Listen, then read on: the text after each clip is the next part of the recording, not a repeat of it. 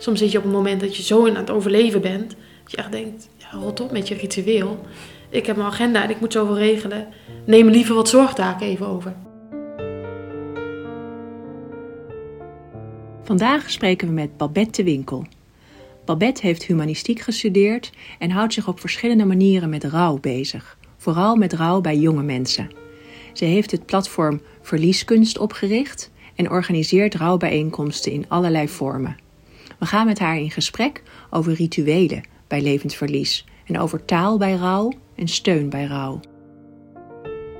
We bezoeken Babette in haar nieuwe huis in een dorpje vlak aan de IJssel. Nou, even aanbellen. Even kijken. Ja. Oh! de bel blijft hangen.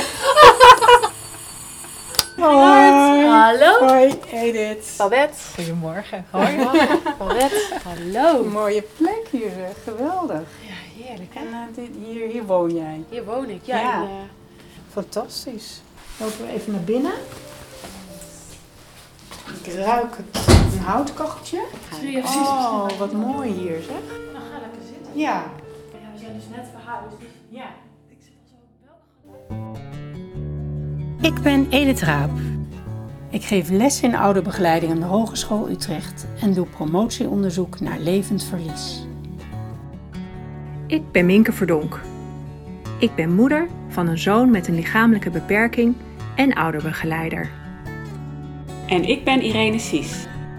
Onder de naam Gewoon Irene blog ik over de alledaagse dingen in mijn leven als moeder van vier kinderen. We maken samen een podcast over levend verlies. We voeren gesprekken met ouders, naasten en zorgverleners. Levend verlies. Steeds terugkerende gevoelens van verlies, verdriet en rouw van ouders met een kind met een beperking of chronische aandoening.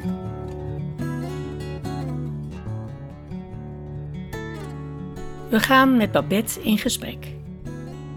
Nou, mijn naam is eh, Babette, Babette de Winkel. En eh, ik heb drie jaar geleden verlieskunst opgericht. En dat was vanuit het gevoel dat ik heel erg... Ik miste heel erg kaarten, uh, condoleancekaarten. En die iets, eh, iets warmer waren, iets troostrijker dan wat er nu nou, op dat moment in de, in de winkels lag. De kaarten met oprechte deelneming en gecondoleerd.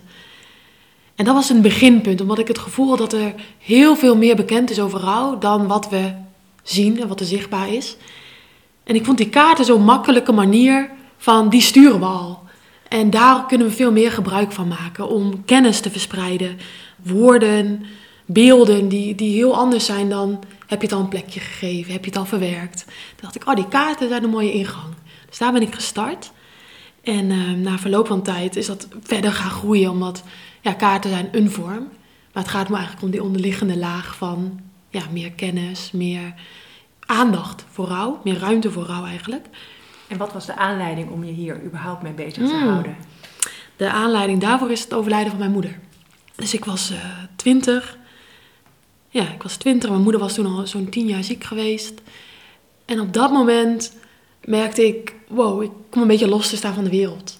Wat natuurlijk het effect van overlijden überhaupt wel is.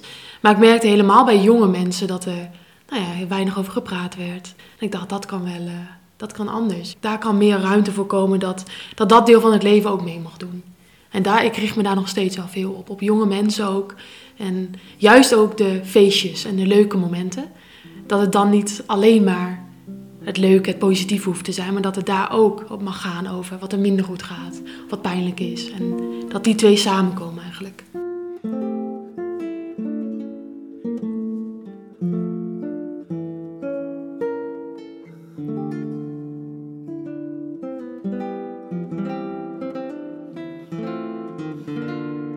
Na de kaarten. Na de kaarten ben ik veel gaan schrijven. Dus toen werden het eh, artikelen, toen ben ik aan mijn boek gaan werken. En vervolgens ook meer bijeenkomsten om mensen bij elkaar te brengen. Ik ben geestelijk verzorger en ik begeleide mensen in rouw. En ik merkte dat mensen veel hebben aan begeleiding één op één. Maar dat mensen ook elkaar nodig hebben. En toen dacht ik, oh hoe mooi om dat eh, mogelijk te maken. En dat was in de tijd dat dat nog niet zo gemakkelijk ging door de coronamaatregelen. Dus toen ben ik dingen online gaan organiseren. Zoals rouwcirkels en eh, Ik heb ook, dat was daarna een verliesdiner, dat mensen elkaar kunnen ontmoeten. Nou, dat ontwikkelt zich in die vorm een beetje verder. En daarnaast kunstprojecten ben ik gaan doen, zoals uh, een verliesmuur. Kan je daar ook nog iets meer over vertellen, van wat ja. dat precies is? De verliesmuur is echt een project waar ik al heel lang mee bezig ben. Uh, want mijn droom is dat er gewoon muren zijn in de stad, met een soort van krijtverf erop, waarop je kunt schrijven wat je verloren bent. En dat is echt een redelijke kwestie van een lange adem. Het is lastig om een permanente muur te vinden. En uh, ik kwam daar precies in tegen waar, wat mijn missie is. Dus ruimte maken voor rouw. En dan kwamen de reacties ook als... Hmm, ja, kan het niet iets leuker? Kunnen we niet iets vrolijkers? Dus ja, het was in die zin een heel interessant proces van... Uh, ja, dat is precies wat er dus gebeurt. Zo kunnen we het over leuke dingen hebben. Gebeurde precies in dit proces ook. Waarom van, doen uh, mensen dat? Ik denk dat mensen gewoon makkelijker vinden. Dat het leuker is als we een mooie schildering... Dat dat makkelijker is van, oh, dat is leuk. En dat het ja, toch misschien ook lastig voor te stellen is waarom dit van betekenis is. Ja, alsof als je iets van die ene kant van, oh, het is ook moeilijk en pijnlijk, alsof meteen de kant van, maar het is ook mooi, je kan er ook veel van leren. Dus dat we heel vaak positiviteit naar voren schuiven als reactie op iets wat pijn doet. Terwijl ja, er is ook een plek voor positiviteit. Maar ja, niet altijd hoef je op het positieve spoor te gaan. Er is een plek voor alles en er is ook tijd om te zeggen, ja, er is verlies, dat doet zeer. Je hoeft niet meteen eroverheen met de joepie en we gaan ervoor. Want wat levert dat op als daar meer ruimte voor komt? Misschien kleiner, Ja. wat heeft het jou opgeleverd? Hmm, verzachting. Verzachting, ontspanning, minder strijd. Ja, ik geloof dat... In ieder geval wat het in mij doet, is dat ik alleen maar mijn hak in het zand dan zet. Van nee, je hoort me niet. En dat maakt ook eenzaam. Oh, ik mag alleen maar dit zijn. Dus een heler mens zijn. Alles mag meedoen. Ik denk dat, dat, dat het dat is. Dat het een gevecht wordt zo van dit deel mag ook meedoen, dit deel van mijn leven. Dit maak ik ook mee. Ik heb heel lang voor mijn moeder gezorgd. Ik denk dat daar ook een hele overeenkomst zit met levend verlies. Van telkens weer ja, kleine afscheidjes van dit kan niet meer, dat lukt niet meer. En toch ook weer de kracht moeten vinden om door te gaan. Maar die zitten wel in in onze maatschappij. Van we gaan weer door. Mhm. Maar er is, ook, er is ook afscheid en er is ook pijn. En ja, ik voelde me daar heel alleen in. Als ik alleen maar mocht in het stuk van nee, we gaan door en we gaan weer een behandeling en we gaan ervoor. Dacht ik ja, natuurlijk. Maar het doet ook zeer.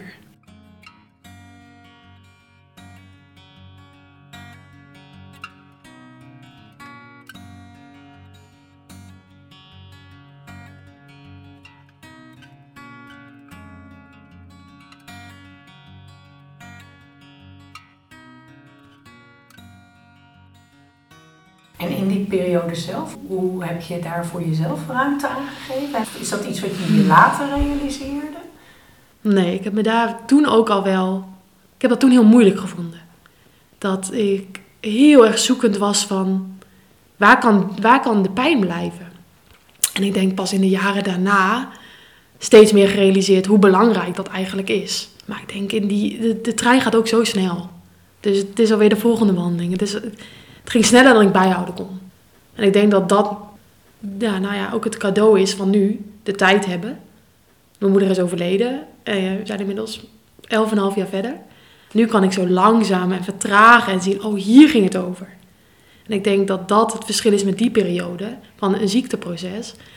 Er is niet een pauzeknop om te zeggen, ik wil even wachten. Eh, Het gaat gewoon door en door en door. Ja, en, en dat is nou ja, ook de duidelijkheid van de dood. Op een gegeven moment stopt het en kan het een beetje zo uit elkaar gehaald worden. Van, oh, waar ging het nou over? En Ja, als je kijkt naar levend verlies, is dat natuurlijk ingewikkeld. Hè? Maar we hebben Precies. het over levend verlies bij, eh, bij ouders. precies. Die zitten steeds in die trein. Ja. Wat zou jij zeggen over eh, hoe ze in die trein toch ruimte kunnen krijgen Ja. voor dat verlies? Ja. Ja, dat, ik geloof dat dat dus zo belangrijk is. En dat bijvoorbeeld zoiets als rituelen, dat die daar heel belangrijk zijn. Want dat moment komt waarschijnlijk niet vanzelf. Dus heb je iets nodig om dat af te bakenen. En ik geloof dat rituelen dat bijvoorbeeld kunnen doen. Om te zeggen, nu neem ik een moment.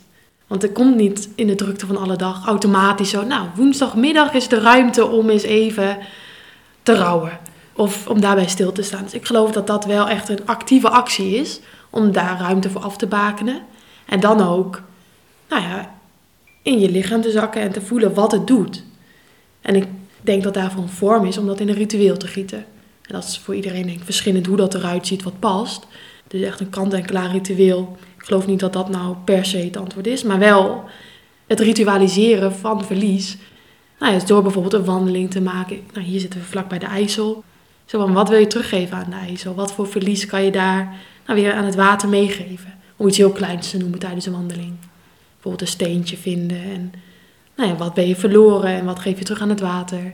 Ik stel me ook voor, terwijl je dat doet, of terwijl ik dat zou doen, ik gooi dat in het water, ik doe mijn handen in het water, ik schud mijn handen zo droog. Ik natuurlijk, als je daar echt met aandacht bij bent, kan het echt betekenisvol zijn om daar uh, ruimte voor te maken. En ik denk dat ruimte ook erkenning geeft. Alsof je je eigen, wat je meemaakt, je eigen ervaring even ziet. Van, zo, er is wat om los te laten. Of, god, hier zit wat verdriet. Of, ja, ik denk dat een ritueel ook erkenning geeft aan jezelf. Dit mag even gezien worden, dit zet ik even in het licht. Ik geloof in die zin dat het ook best wel een meditatieve beoefening is. Van, word je geleefd of is er ook nog iets dat het kan waarnemen en ziet wat er gebeurt? Of val je er helemaal mee samen? Dus dat zijn de momenten dat je even uit kan zoomen. En even ernaar kan kijken wat je meemaakt. En kan even naar jezelf ook kan kijken. Oh, wat heb ik nodig?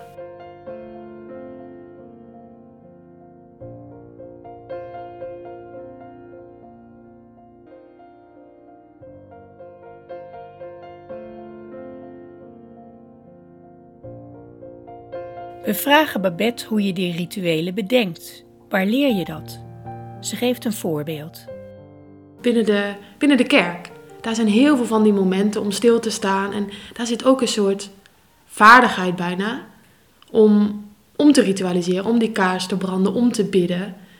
Nou ja, soms is dat wel een beetje losgeraakt van de betekenis van wordt het meer een moedje van ik moet bidden. En ik... Maar daar zitten wel heel veel rituelen in. En ik geloof dat dit wel een beetje de uitdaging van onze tijd is om die, die, eigenlijk die ruimte ook weer terug te claimen. Van, oh ja, dat, dat kunnen wij zelf doen, wij kunnen betekenis geven. Ja, ik denk wat, dat het echt vraagt om, om een rituele sensitiviteit bijna te ontwikkelen. Om het ook te gaan experimenteren en uit te proberen. Want er is niet een soort recept, geloof ik. Want het gaat niet zozeer om wat je doet, maar om welke ervaring daar gekoppeld is. Dus echt om vanuit je eigen lichaam eigenlijk opborrelt. Dus Bijvoorbeeld een altaartje maken. Heel simpel om wat spulletjes zo neer te zetten. Dat kun je ook uit gewoonte doen, dat je die spullen gewoon neerzet. Maar ook vanuit, oké, wat is dan dat verlies wat ik voel, waar ik ruimte voor wil maken? Ik geloof dat het bij levend verlies ook zo is. Dat, dat is een proces wat je zelf van binnen moet aangaan. En ik geloof dat dat ritueel kan helpen bij dat proces van binnen. Dus het is niet zozeer van wat je doet, als wel dat het vanuit die plek een vorm vindt. En dan kan je een collage maken, je kunt een altaar maken. Maar dan maakt het eigenlijk niet zo heel veel uit welke vorm dat exact wordt. Als wel dat het vanuit die plek komt waarbij duidelijk wordt wat je mist en welke. Nou, het is super tactiel, dus welke voorwerpen passen daarbij? Welke passen precies bij dit verlies? Net als bij theater of zo, je maakt ik vergelijk het met theater, maar dat zit ook heel precies in elkaar. Met de choreografie en hoe het in elkaar past. Dus dat het heel belangrijk is dat je ervaring kan ontvouwen. Zodat je iets mee kunt maken, een beleving. En hoe je dat in elkaar kunt zetten. Zo van, oh, muziek kan helpen. Aanraking kan helpen. Dans kan helpen. Er zijn allerlei... Hoe je heel je, heel je lijf eigenlijk, of heel je zijn daarin kan uh, laten meedoen. Maar ook geur, eten. Het zijn denk ook heel veel dingen die we uit onze cultuur al kennen. Die kun je allemaal daarin betrekken. Zoals, nou, ik denk dat, dat voedsel niet voor niks zo'n rol speelt bij troost. En dat is bijvoorbeeld bij het verliesdiner een van de rituelen. Dat we een rituele rouwsoep maken. Alle smaken van rouw. En dan gaan verkennen van, goh, wat is er nou pittig aan je rouw? Wat is er bitter aan je rouw? En al die smaken passen goed bij elkaar, zodat het ook een lekkere soep wordt die je daarna opeet. En in dat opeten ook weer even kunt stilstaan bij dit is al mijn rouw. Dit, dit was er bitter aan en dit was er uh, zoet aan. Dit was er bitterzoet aan. Ja, uit al die smaken bestaat mijn rouw. En soms heb je een zetje nodig, denk ik. Zoiets als een ritueelbegeleider die je helpt om dus te kijken naar... Wat betekent dit dan? Welke voorwerpen, welk ritueel zou passen? Omdat het, ja, het is wel echt ook, denk ik, een skill om iets te kunnen ritualiseren. En je hebt er wel al wat over gezegd hoor, dat je niet een soort standaard ritueel hebt. Maar waarin zouden de rituelen van levend verlies kunnen verschillen Hmm. met de rituelen bij rouw dood? Ik denk dat de rituelen bij rouw door dood eenduidiger kunnen zijn. Dus dat het heel duidelijk, dat het heel duidelijk is waarom je rouwt. Ja, net zoals een begrafenis. Het is, gewoon, het is gewoon duidelijk. En ik denk dat bij levend verlies eigenlijk al een heel stuk vooraf gaat in wat wil je eigenlijk ritualiseren. Wat ben je nou eigenlijk verloren? Dus dat er in het eh, vormgeven van het ritueel heel veel aandacht nodig is voor dat voorstuk. Om het te ontrafelen welke verliezen je nu specifiek wil rouwen. Ja, dus ik denk dat dat stuk eigenlijk bij levend verlies veel aandacht nodig heeft. Wat ben je nou eigenlijk verloren? Waar zit nou op dit moment, kan altijd heel veel zijn, maar wat nu op dit moment wil je dan ritualiseren? Waar wil je bij stilstaan? Wat ben je nou eigenlijk nu het meest rouwig om?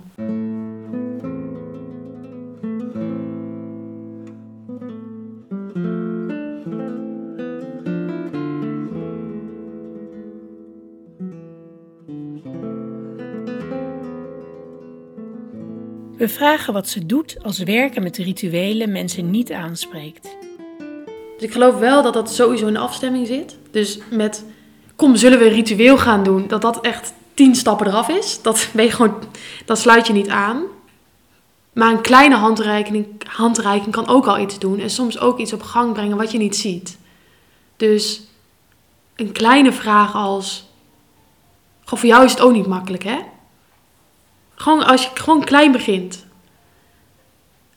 Je weet niet wat er daarna thuis gebeurt. Of wat er op gang wordt gebracht. Of dat iemand denkt, goh, ja, dat is eigenlijk ook wel zo. Dus dat iemand soms heel fel kan reageren met, doe normaal.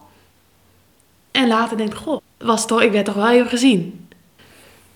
Dus dat je ook niet ziet wat iets doet. En tegelijkertijd ook dat het ook een kwestie van aansluiten is. Ik geloof ook niet dat ik zelf zoiets zou zeggen. Van dat ik over rituelen en daar ruimte maken voor zou beginnen. Als iemand in een heel andere taal spreekt. Dus ook aansluitend bij taal die iemand zelf gebruikt. En dat soms net iets oprekken dat je denkt, oh, dit kan ook. Want het is natuurlijk ook zo dat het voor sommige mensen gewoon niet de vorm is. En mij helpen rituelen en dat lichaam heel erg om ook andere taal te vinden. Nou, ik denk zo'n term als levend verlies. Of ik gebruik die term ook. Dat mensen denken, ja, hè, hè, dat heb ik. Dat mensen bijvoorbeeld op de taal heel erg aangaan. Van, wow, hier is een woord voor. Dus dat voor sommige mensen het veel taliger is. Dat het veel meer zit in het gesprek. Van ontrafelen, wat is er nou eigenlijk gaande? Wat ben ik eigenlijk verloren? Dus dat het soms ook meer, ehm, nou niet zozeer cognitief, maar toch een talige uiteenrafeling kan zijn. En dat dan bijvoorbeeld een artikel of een boek of zo'n vorm beter werkt om te zeggen: hé, hey, dat heb ik ook. En dat zo'n zo'n term als levend verlies, ik denk dat er niet voor niks zoveel reactie op komt. Dat mensen denken: wow, eindelijk een woord voor wat ik meemaak.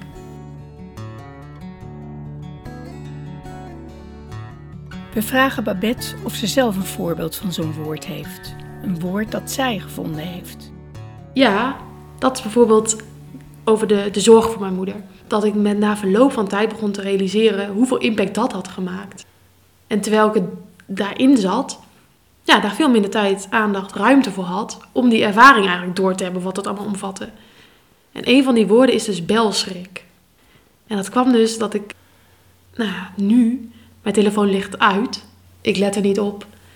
Maar toen mijn moeder ziek was, had ik altijd mijn telefoon bij de hand. En als er gebeld was, was er meteen zo die telefoon en mijn sleutels bij, bij wijze van spreken al in mijn handen. Van waar moet ik heen? Wat moet ik doen? En uh, dat nadat zij doodging, dat nog steeds, nog jaren in mijn systeem zat. Als mijn vader of mijn zussen belden, dat ik meteen zo, adrenaline, ik moet iets.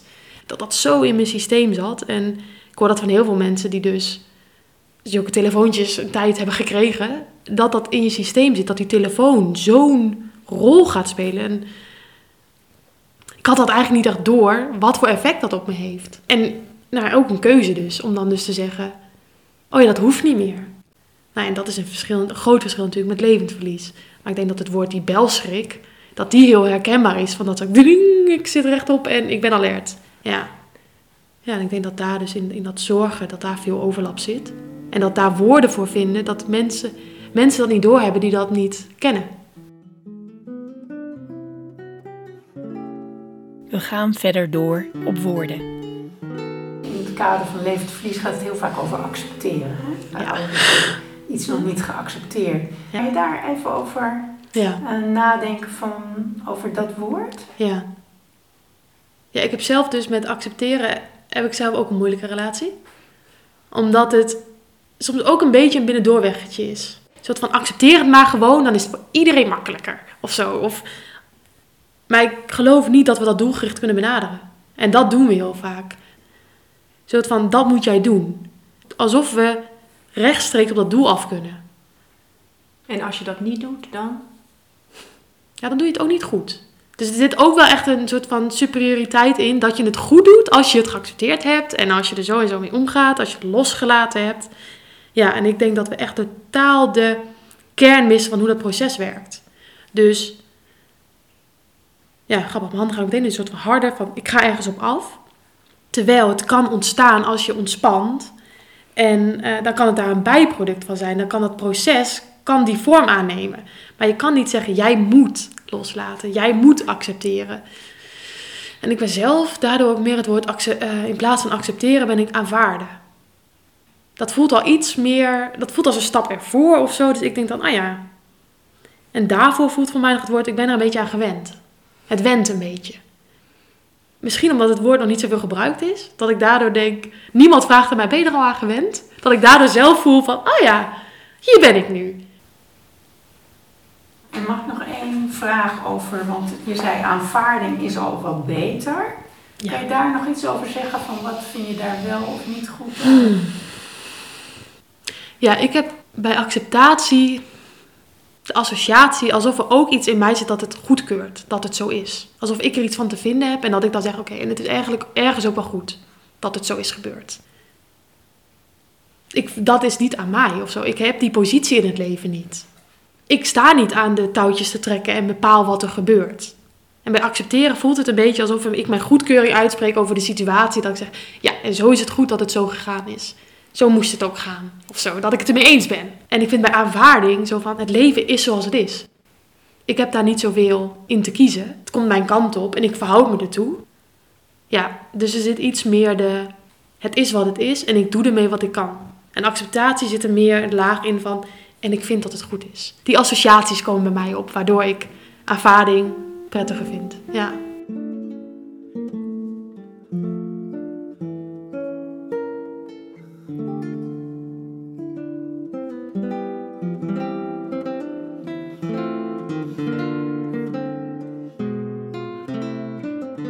Zou je iets kunnen zeggen over wat de omgeving zou kunnen betekenen Hmm. voor degene die dat verlies ervaart? Ja. Ja, ik denk dat daar de grote, ik denk dat de grootste uitdaging zit bij de omgeving. Dat als we een sensitievere omgeving hadden, dat het al veel min- minder moeilijk was. Ik denk dat het vooral zit in de uitnodiging. Dat je een uitnodiging kunt doen om erbij stil te staan, maar dat het alsnog is, er wil iemand er ruimte voor maken. Soms zit je op een moment dat je zo in aan het overleven bent, je echt denkt, ja, rot op met je ritueel. Ik heb mijn agenda en ik moet zoveel regelen. Neem liever wat zorgtaken even over. Maar het een sluit het ander niet uit. Je kunt meerdere talen spreken, dus je kunt ook zeggen: hé, ik help je praktisch. En ik kan ook zeggen: hé, ik ben er voor je. Dus ik kan een uitnodiging doen van: goh, ga je, mee een rondje wandelen en nou ja, vertel eens hoe het met jou is. Maar ik kan tegelijkertijd ook zeggen: hé, zal ik even een, paar, een pan soep eh, op de aanrecht zetten? Help dat je. Praktische hulp is ook behulpzaam.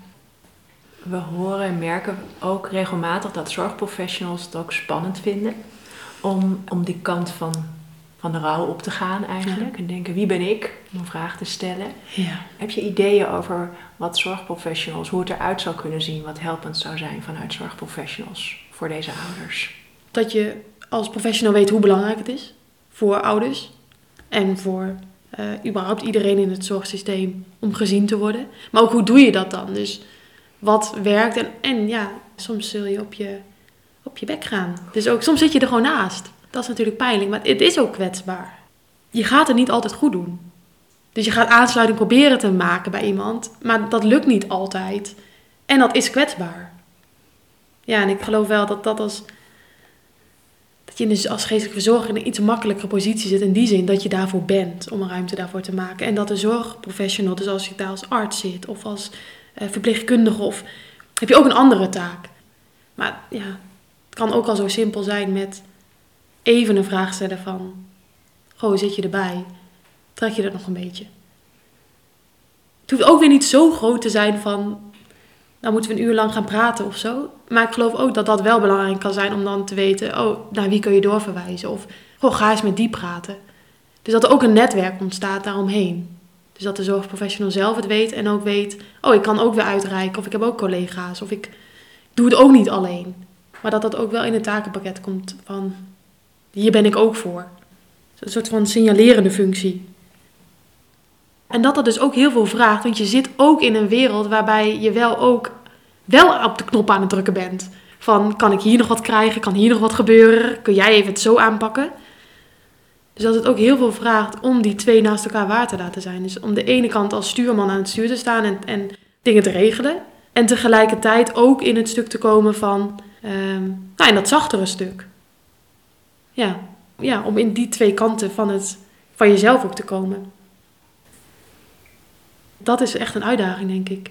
In de zorg, als je in dat wereldje zit, om die twee levend te houden. Dat heeft ook oefening nodig.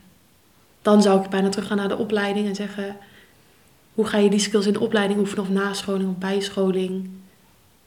Want je kan ook niet van mensen verwachten dat als je ze super functioneel en doelgericht opleidt, dat ze die meer softere skills ineens kunnen.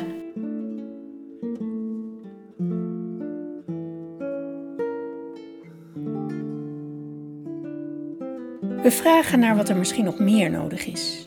Maar je zei op een gegeven moment ook heel duidelijk: om er naartoe te kunnen gaan in de waan van de dag, ja. is het ook nodig om even, ja, wat, wat moet je kunnen? Ja. Ik denk bijna dat het woord moet, dat dat toch wel, als het moet met een D, hè? dat het moet vergt om daaruit te stappen. Want dit is ook prettig om in ieder geval nog iets van een gevoel van controle te hebben. En ik denk zeer zeker dat het net zo goed geldt voor de zorgprofessional. Die ook helemaal is opgeleid natuurlijk in dat doen. Om ook in dat later te komen. En ook te zeggen, oké, ik weet het ook even niet. Dat is natuurlijk echt heel moeilijk. niet te doen. dat is een mooi woord, Felix. te doen is. Ja. ja. ja. ja. Wat zou dat betekenen voor de relatie tussen ouders en professionals? Als dat meer gebeurt. Mhm. Ik denk dat het echt heel veel energie scheelt. Om vraagt ook wat om in het zorgsysteem staande te blijven. En als mensen je uitnodigen, is natuurlijk een heel ander effect dan als mensen je lopen terug te duwen. Dus dan moet je ook heel veel energie ja, paraat hebben eigenlijk om er tegenin te gaan. En dat het minder vechten wordt. Dus ik denk dat het. Want het is al vechten, om het, of in ieder geval, het is al opletten om je weg te winnen in een zorgsysteem. En dit gebeurt er en dat gebeurt er. Ja, ik denk, ik denk minder strijd. Ik denk dat het dan dat er iets kan verzachten, omdat je gewoon als mens meer meedoet. En dat je ook gevoelens hebt. Ik denk minder strijden en iets meer, uh, iets meer verbinding. En het gevoel van we doen het samen in plaats van alsof iedereen zo tegen elkaar in zijn eigen dingen doorheen aan het duwen is of zo.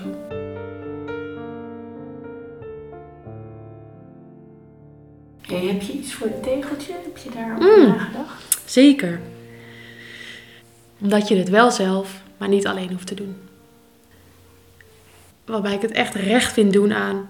Je hebt zelf echt heel wat te doen. Maar dat betekent niet dat er niet ook ruimte is voor, uh, voor steun, support, voor dat er meer mogelijk is. Mijn missie is echt om ruimte te maken voor rouw. En dat kan heel veel vormen aannemen, maar het komt telkens terug bij, bij ruimte. En al de voorbeelden die ik geef zijn manieren om daar invulling aan te geven. Maar het gaat telkens eigenlijk weer om, we hebben aandacht ervoor nodig. En toch komt telkens terug bij het woord ruimte, omdat dat het ook vrij open houdt. En niet doelgericht maakt, alsof er iets te fixen valt. Of alsof er iets op te lossen valt. Of als we dat bereiken, dan zijn we er. Ja, en in die zin is, is verlieskunst ook levenskunst. Dus telkens weer terug te komen. Ja, verlies hoort gewoon bij het leven.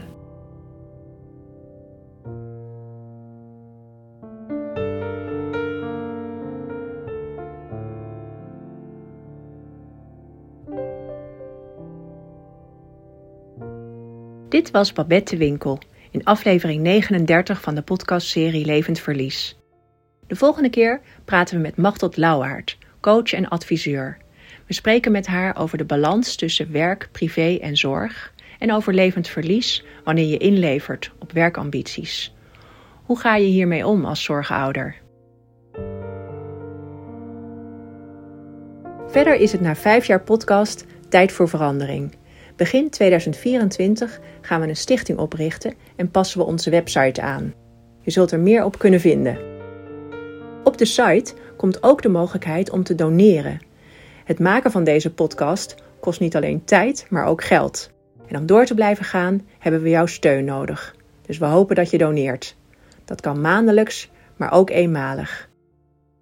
We zijn blij met elke gift waaruit blijkt dat je onze podcast fijn vindt.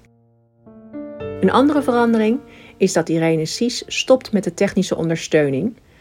Vanaf het nieuwe jaar krijgen we deze van Sarah Verdonk.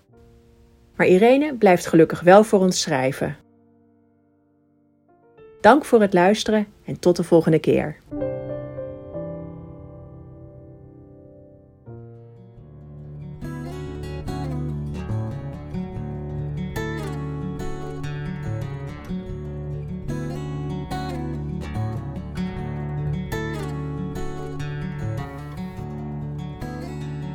Twee maanden op de laatste zondag van de maand een gesprek over levend verlies. Abonneer je op onze podcast en kijk ook eens op onze website levend-verlies.nl. We zijn ook te vinden op Facebook en Instagram. Bedankt voor het luisteren.